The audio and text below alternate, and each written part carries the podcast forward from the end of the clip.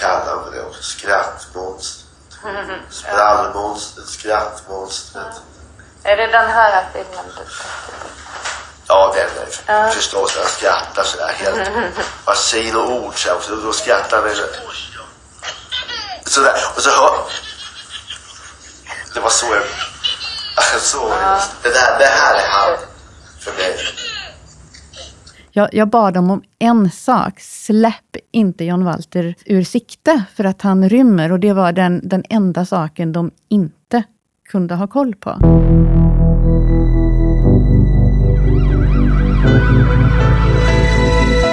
I mitten av juni hände det som inte får hända.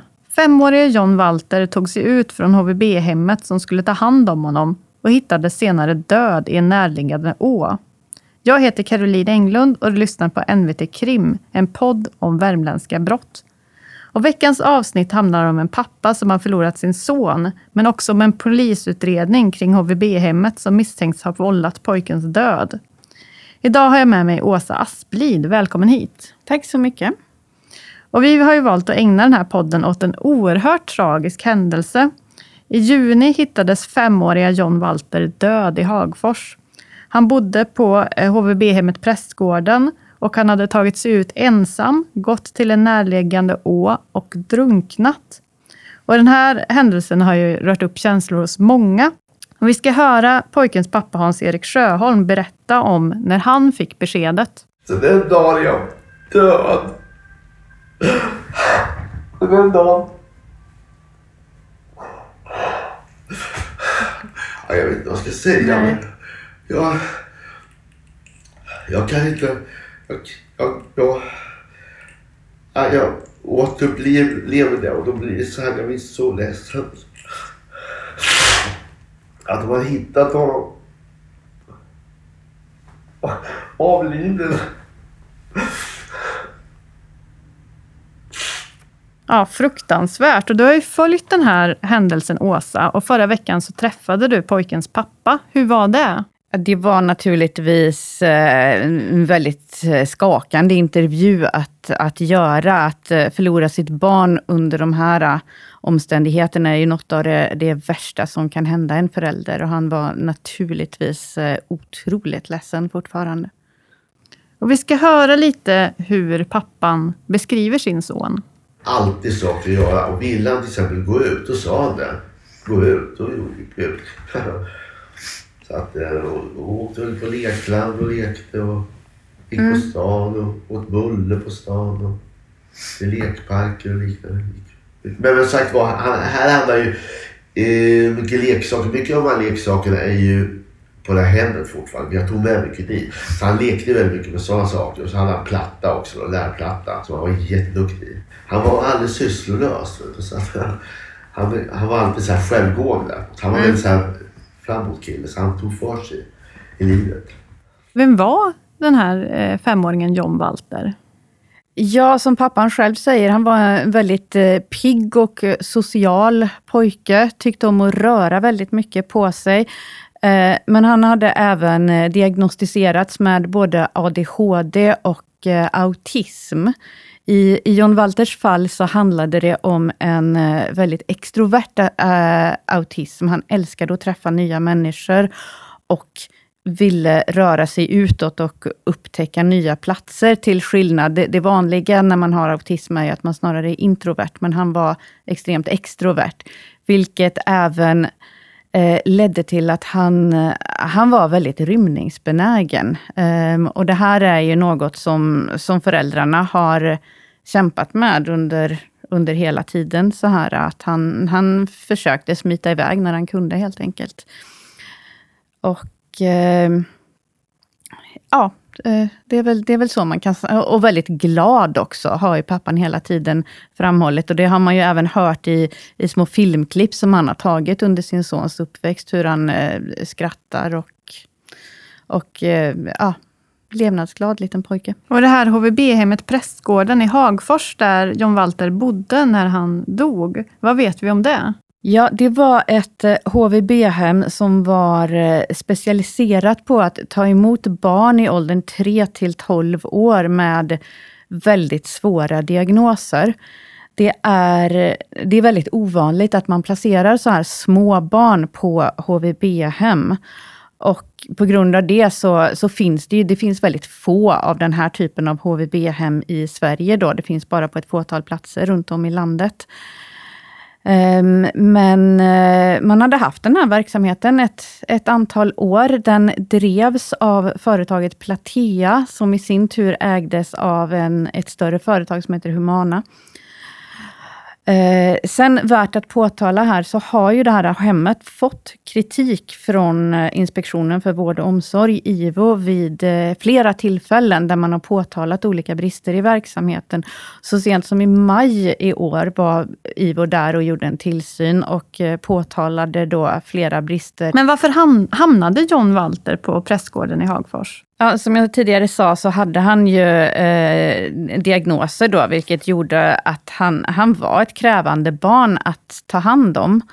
Eh, 2018 så fick hans pappa jobb i Falun, på tingsrätten i Falun. Så han, han flyttade från Stockholm till Falun, där han inte hade någon eh, någon familj eller släkt som bodde, utan han jobb, flyttade dit på grund av jobbet. Och i samband med det så, så kom han överens med John Walters mamma om att John Walter skulle bo med sin pappa. Så han var ensamstående pappa med en eh, son med svåra diagnoser samtidigt som han hade ett heltidsjobb. Eh, det här är ju en svår situation för en ensam förälder. Så han var i kontakt med socialtjänsten för att få avlastningsstöd, vilket du har rätt till om de tycker att du uppfyller vissa kriterier som de gjorde. Eh, sen började John Walter i förskolan och det här, eh, då var han ju där under dagarna medan pappan jobbade, men till sommaren så, så stängde ju förskolan och eh, samtidigt som den här avlastningshjälpen upphörde. Det, det blev en ohållbar situation för honom, så socialtjänstens handläggare beslöt att bästa alternativ var att eh, placera John Walter tillfälligt på ett HVB-hem. Och då kom man fram till att eh, HVB-hemmet Prästgården i Hagfors var, eh, var den, den mest lämpliga lösningen. Vad tyckte föräldrarna om det här förslaget? Eh, ja, de satt ju i samtal med socialtjänsten och de tyckte inte alls att det här var en bra lösning. De hade läst in sig på det här eh, hemmet Prästgården då och insett att de har fått kritik flera gånger från IVO tidigare, så, så de ansåg inte att deras son skulle, skulle placeras där helt enkelt. Eh, men handläggarna övertalade dem och satt och förklarade för dem att de hade dammsugit hela landet över lämpliga boenden och då kommit fram till att eh, prästgården var det bästa och eh, de förklarade även att det var ett HVB-hem med mycket gott renommé, trots att man då kände till den här kritiken från, från IVO vid tidigare tillfällen. Föräldrarna påtalade speciellt att att man måste då vara väldigt noga med att övervaka John Walter just på grund av hans tendens att rymma så, så fort han såg en möjlighet till det. Eh, handläggarna på socialtjänsten förklarade att det, det, ska, det lovar vi er till 100 procent. Personalen är väldigt kompetent och duktig och kan ta hand om det här. Och det är ingenting ni behöver oroa er för. Ni kan känna er helt trygga med er sons säkerhet på det här hemmet. Men så blev det inte alltså. Och vi ska gå tillbaka till den här ödesdigra dagen då det hände. Och pappan var faktiskt på plats i Hagfors för att hälsa på sin son. Han hade träffat honom dagen innan och vi ska höra lite vad han säger om det. Jag filmade honom extra en sekvens av fem minuter. Han hoppar i hoppborgen. Det regnade, ösregnar och åska och blixtrar. Kommer ihåg. Glömmer aldrig bort. Och sen sov alltså pappan eh, över i Hagfors. Han hade lånat en övernattningslägenhet där. Och på morgonen fick han reda på att sonen var borta. Vad var det som hade hänt då? Det, det, här var ju någonting som startade redan under, eh, under natten. Eh, John Walter vaknade vid eh, klockan ett på natten och var pigg. Han, han kunde inte sova, så han, eh, han ville vara uppe och leka. Eh, den bemanning som HVB-hemmet hade på natten var att det var två anställda som jobbade. Den ena var vaken och sen hade man även en sovande jour som då finns tillgänglig om, om det krävs. Eh, vilket det då gjorde i det här fallet, när, eh, i och med att John Walter var vaken. Så båda, båda personal var uppe hela natten. Eh, vid halv sju-tiden på morgonen så hade övriga barn på HVB-hemmet vaknat. Så eh, de var totalt sex barn i, vid det här tillfället som bodde på, på HVB-hemmet. Så alla var uppe i det som, som beskrivs som vardagsrummet eh, i det här hemmet och eh, lekte medan eh, de två nattpersonalen, som vid det laget då hade varit vakna precis hela natten, eh, satt i hallen som angränsade till det här vardagsrummet och eh, övervakade leken. Men en, en del i barnens lek var att de, de, de kastade igen dörren mot hallen. Um, och Det innebar ju att då, då kunde personalen inte se vad barnen gjorde där inne. De var helt ensamma i vardagsrummet. Personalen öppnade på nytt dörren och sedan så slängde barnen igen den igen. Det, det pågick några gånger, den, det, det förloppet. Eh, sen klockan 06.53 så, så öppnade ett av de andra barnen den då stängda dörren och gick ut till personalen och förklarade för dem att John Walter var borta.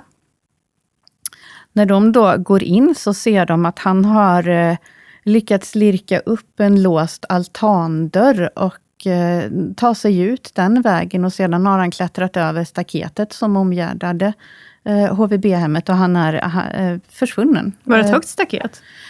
det var väl eh, ja, men ett, ett normalhögt staket. Det var inte något, något extra högt staket för att förhindra att, att barn skulle kunna klättra över det. Så ja, jag tror inte för en, en femårig pojke som med den goda fysik som John Walter hade, var det nog inga större problem att ta sig över det helt enkelt. Eh, det här ledde till att eh, tre i personalen då, för dagpersonalen som skulle avlösa nattpersonalen vid sjutiden, hade börjat komma in till jobbet redan då. Så tre i personalen gav sig omedelbart ut för att leta efter John Walter. Eh, och sökte efter honom högt och lågt, när man fortfarande inte hittat honom någonstans efter 17 minuter. Då, först då valde man att kontakta närmaste chef och meddela att ett barn var, var borta. Eh, därefter så fortsatte sökarbetet. Jag skulle tro att ytterligare personal eh, började söka. Eh, men det tog ytterligare 16 minuter innan någon ringde 112 och larmade polis, ambulans, räddningstjänst om, om vad som hade skett. Så det, det tar en dryg halvtimme från det att John Walter försvinner till att eh, blåljusmyndigheterna kan dra igång en sökinsats efter honom.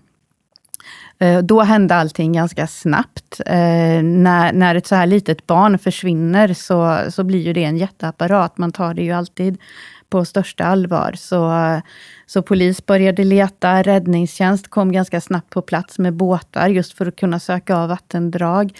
Man fick eh, dit en helikopter som, som kunde söka med värmekamera och så. Så, att, eh, eh, så det pågick för fullt. Eh, 07.51, en, en knapp timme eh, efter att John Walter försvunnit, så ringer ansvarig chef på HVB-hemmet Prästgården upp Hans-Erik Sjöholm, John Walters pappa, och eh, talar om för honom att eh, hans son är försvunnen. Ehm, han blir ju, när jag träffade honom då, så förklarade han ju att eh, ja, det, det är ett fruktansvärt besked att få.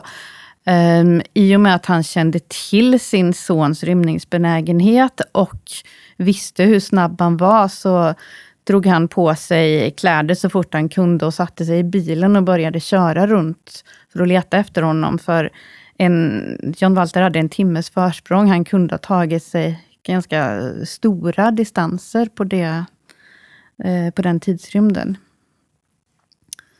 Ehm, sedan höll ja, sökarbetet pågick fram till strax innan klockan tio då, när, eh, när räddningstjänsten Eh, hittar John Walter i eh, vattnet i Uvån, några hundra meter från, eh, från prästgården.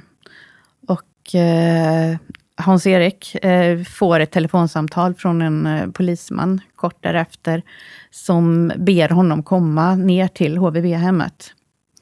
Och han får eh, han får ganska onda aningar redan vid det här telefonsamtalet, för som han beskrev att polisen lät, lät inte glad när han gav honom det här beskedet, utan lät mer neutral, så att han, han började väl ana att det, det, det ser inte helt bra ut. Och sen kom han till HVB-hemmet då och fick reda på att hans son var död. Ja, Eh, Eh, det fick han veta och, och, och, som vi hörde precis i inledningen av avsnittet här, så beskriver han ju hur, hur fruktansvärt hemskt ett sådant besked är. Han beskrev det ju som att det var som att han själv dog den dagen. Och samtidigt, pojken var borta. Det tog tre timmar ungefär innan de hittade honom. Finns det någon som har sett något? Någon i Hagfors som har gått förbi? Eller eh, är det någon som Nej, har... Eh, det, det här kan jag själv tycka är, är lite märkligt. Eh, för det här var, det var ja, mellan sju och tio på morgonen, en vanlig vardag, när folk är, är på väg till jobbet. Just de timmarna när det är ganska mycket liv och rörelse ute. Där, han, där John Walter hittades död, Eh, Eh, det är längs med en cykelbana nedan i, i vattendraget nedanför eh, en skola i Hagfors.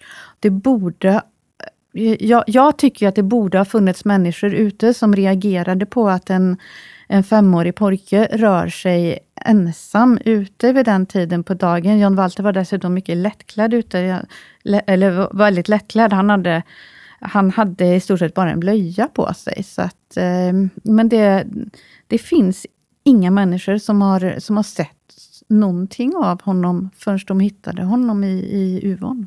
Så man vet inte exakt vad som hände efter att han lämnade nej, prästgården? Nej, det vet man inte. Man vet inte hur länge han har legat där. Liksom, om han gick raka spåret dit ner i vattnet, snubblade av någon anledning och, och, och hamnade där, eller om man har rört sig i, i, andra delar av Hagfors för att sedan eh, komma ner till vattnet. Och eh, En polisutredning inleddes ju direkt efter det här och pågår, för man vill ju veta om man kan ställa någon till svars för den här händelsen. Hur går det med den här utredningen? Ja, eh, det var redan, redan dagen efter den här olyckan, så, eh, så inledde man en eh, förundersökning om vållande till annans död. Det är åklagare Stefan Westberg här vid åklagarkammaren i Karlstad, som är förundersökningsledare i den utredningen. Och den, som du sa, då, den pågår för fullt fortfarande. polisen har under sommaren eh, förhört ett mycket stort antal personer som har insyn i den här olyckan. Det är dels barnen som, som såg John Walter ta sig ut genom altandörren. De har blivit förhörda, men även personal på, på boendet och, och John Walters pappa och ja, andra personer som, som kan ge insyn i vad som faktiskt har skett här. Eh, totalt handlar det om ungefär 250 sidor förhör som, eh, som åklagaren just nu håller på läser igenom och eh, sedan så ska han försöka då komma till något beslut om, om man ska fortsätta förundersökningen. Eh, eller om den ska läggas ner för att det inte går att styrka att något brott har begåtts här. Det, det är det man får se här. Det, om det helt enkelt bara är en otroligt tragisk olycka. Men vad kan ett HVB-hem ha för ansvar för, för, för de som, som bor där? Alltså barnen har ju placerats där av, eh, av myndig, det är en myndighet som har fattat beslut att de ska placeras där, så att de är ju där istället för, för att vara hos sina föräldrar. Så HVB-hemmet har ju fullt ansvar för barnen. En sån här sak ska inte kunna ske helt enkelt. Och eh, efter den här olyckan så, så har det har ju fått en, en lång rad konsekvenser på, på olika områden, den här olyckan. Och man har ju konstaterat att det, det var mycket i verksamheten som, som gick fel här i samband med, med att det här skedde. Vad var det som gick fel? Ja, i eh, Humana då, som äger det här hemmet, har ju, som alltid sker i sådana här fall, gjort en lex utredning av, av vad som skedde, där man tittar på hela, hela verksamheten. Och en av de eh, saker som, som jag tror har uppmärksammat mest kanske efter det här, det, det är ju eh, det faktumet att eh, för informationen om hur otroligt rymningsbenägen John Walter var, den informationen hade inte gått fram till, till alla i personalen på det här HVB-hemmet. Eh, man hade informerat den dagpersonal som hade särskilt ansvar för John Walter. Men nattpersonalen som går på ett rullande schema och där liksom alla som jobbar på HVB-hemmet kan eh, få göra sina nattjourer. Och den, den nattpersonal som jobbade den här natten, de, de hade inte fått del av den informationen om John Walters extrema rymningsbenägenhet. Så bara där har du ju ett en, en grov brist i, i verksamheten. Något sådant ska ju inte kunna ske. Och som pappa säg, pappan sa till mig att eh, jag, jag bad dem om en sak. Släpp inte John Walter ur sikte för att han rymmer. Och det var den, den enda saken de inte kunde ha koll på. Eh, vilket eh, ledde till det här. Utöver, utöver den bristen då, så har man eh, kommit fram till att det fanns brister i den fysiska miljön. Eh, den här altandörren hade inte den typen av barnsäkert lås som borde ha funnits på en sån här verksamhet. Man hade även inte tillräckligt högt staket runt. Liksom det, du ska inte ha ett staket som en femåring ska kunna ta sig över helt enkelt. Eh, man har även eh, brustit i att rapportera tidigare avvikelser. Det visade sig att att barn har avvikit från det här HVB-hemmet vid tidigare tillfällen, lyckats rymma, men då har man kunnat hitta de barnen igen ganska kort. Och sen har man valt att inte skriva någon rapport om det. Och, och det leder ju naturligtvis till att man då inte inte åtgärdar brister eftersom det kanske inte ens alla som, som jobbar på det här hemmet som vet om att den bristen fanns. För man, man har inte fått reda på att det, det har försvunnit barn vid tidigare tillfälle. Det, det är några av de, eh, de allvarliga brister som man har konstaterat fanns i verksamheten. Vad har hänt med det här HVB-hemmet nu då? Ganska, ganska omgående efter olyckan, för det, det, är ju Inspektionen för vård och omsorg som ger verksamheter tillstånd att bedriva den här typen av verksamhet. Så Platea hade ju tillstånd att bedriva ett HVB-hem för, för barn i åldern 3 till 12 år. Men efter olyckan så beslutade IVO omgående om att tillfälligt dra in det här tillståndet. Eh, för man ansåg att eh, det, det, här är en sån allvarlig situation. Vi kan inte ha barn som bor på det här hemmet innan vi har hunnit undersöka vad som händer. Så eh, man hade fram till 24 juni på sig att omplacera barnen till, till andra ställen helt enkelt. Eh, till en början med så hade Humana tänkt att överklaga det beslutet, men sedan val så löste det sig ganska snabbt med att hitta acceptabla omplaceringar för barn, de andra fem barnen. Sen gjorde man Lexa, sin egen Lexara-utredning som då konstaterar alla de här grava bristerna och missförhållandena i verksamheten. Och i samband med det så, så tog Humana helt enkelt beslutet att eh, lägga ner det här hemmet. Både det här hemmet och sedan hade Platea, fanns det ytterligare ett HVB-hem i, i Hagfors för, eh, för ungdomar. Och det har man också stängt ned. Så att eh, det är ju, mm, och, och personalen har blivit uppsagd. Men Humana har andra verksamheter, det är en stor koncern? Ja, det, det, är en stor koncern som, som verkar inom lite olika områden. Men, men vad tror du, kan, kan någon ställas till svars för det här som har hänt? Jag vet inte. Det är, det är jättesvårt att avgöra om, om, om ett brott faktiskt har begåtts, eller om det är en olycka. Och det är ju det som är åklagarens uppgift nu. Det är det han ska komma fram till. Um, Ska man lägga ned utredningen för att brott inte går att styrka? Eller är det sannolikt att någon faktiskt har gjort ett brottsligt fel här som ska ställas till svars för i, i en rättegång. Det, det, det, får vi se. Pappan är ju såklart eh, vill ju att någon ska dömas för det här. Han förklarade ju för mig att han anser att eh, cheferna på Platea bör ställas till svars för grovt vållande till annans död. Här, han betonar samtidigt här att, att liksom personalen anklagar han inte för någonting, för de, de kände inte till John, John Walters rymningsbenägenhet, så de vill han inte anklaga. Men däremot så är, är han eh, väldigt kritisk mot cheferna då, som inte har sett till att personalen har den här informationen.